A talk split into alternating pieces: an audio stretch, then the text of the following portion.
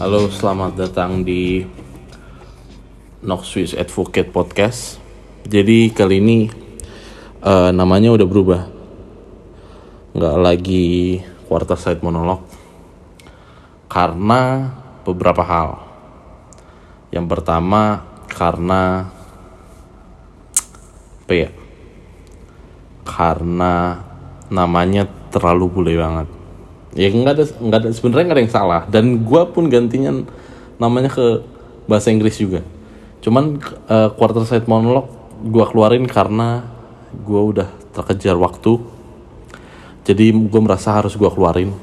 Namanya gue sudah ada beberapa bahan. Jadi akhirnya yaudah gue buang nama seadanya yang di otak gue kenapa gue ganti ke quarter quarter side monolog gue ganti ke Noxious Advocate itu karena menurut gua menurut gua kalaupun nantinya uh, gua harus menggunakan satu nama yang tetap gue pingin pakai ya nama Noxious Advocate aja.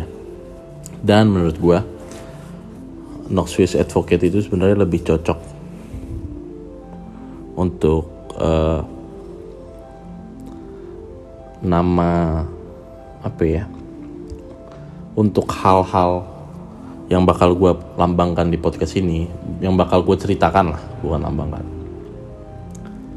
Nah, kalau alasan keduanya adalah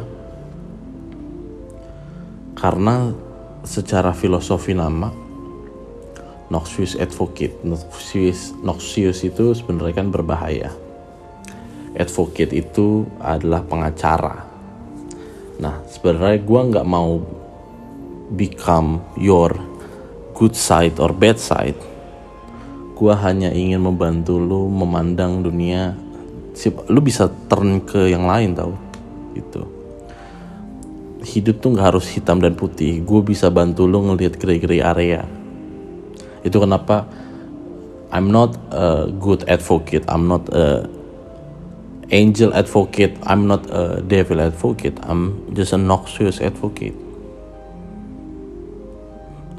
dan sebagaimana hubungan gue nggak tahu mungkin lu belum pernah berhubungan dengan pengacara I done it kebetulan walaupun bukan case gue tapi sebagaimana orang tahu ada setahu gue tuh ada tiga hubungan jujur di dunia ini. Hubungan lu sama dokter lu karena dia entah lu kasih tahu apa enggak dia bakal tahu hubungan lu sama psikolog lu karena uh, lu membantu psikolog lu menyelesaikan masalah. Masalah lu dan hubungan lu dengan pengacara lu karena dia harus ngebela lu. Jadi gue mau hubungan gue dan lu nantinya uh, itu penuh keterbukaan. Karena gue harus sadari di Indonesia ini I love Indonesia man. Tapi orang Indonesia selalu menghindari percakapan serius.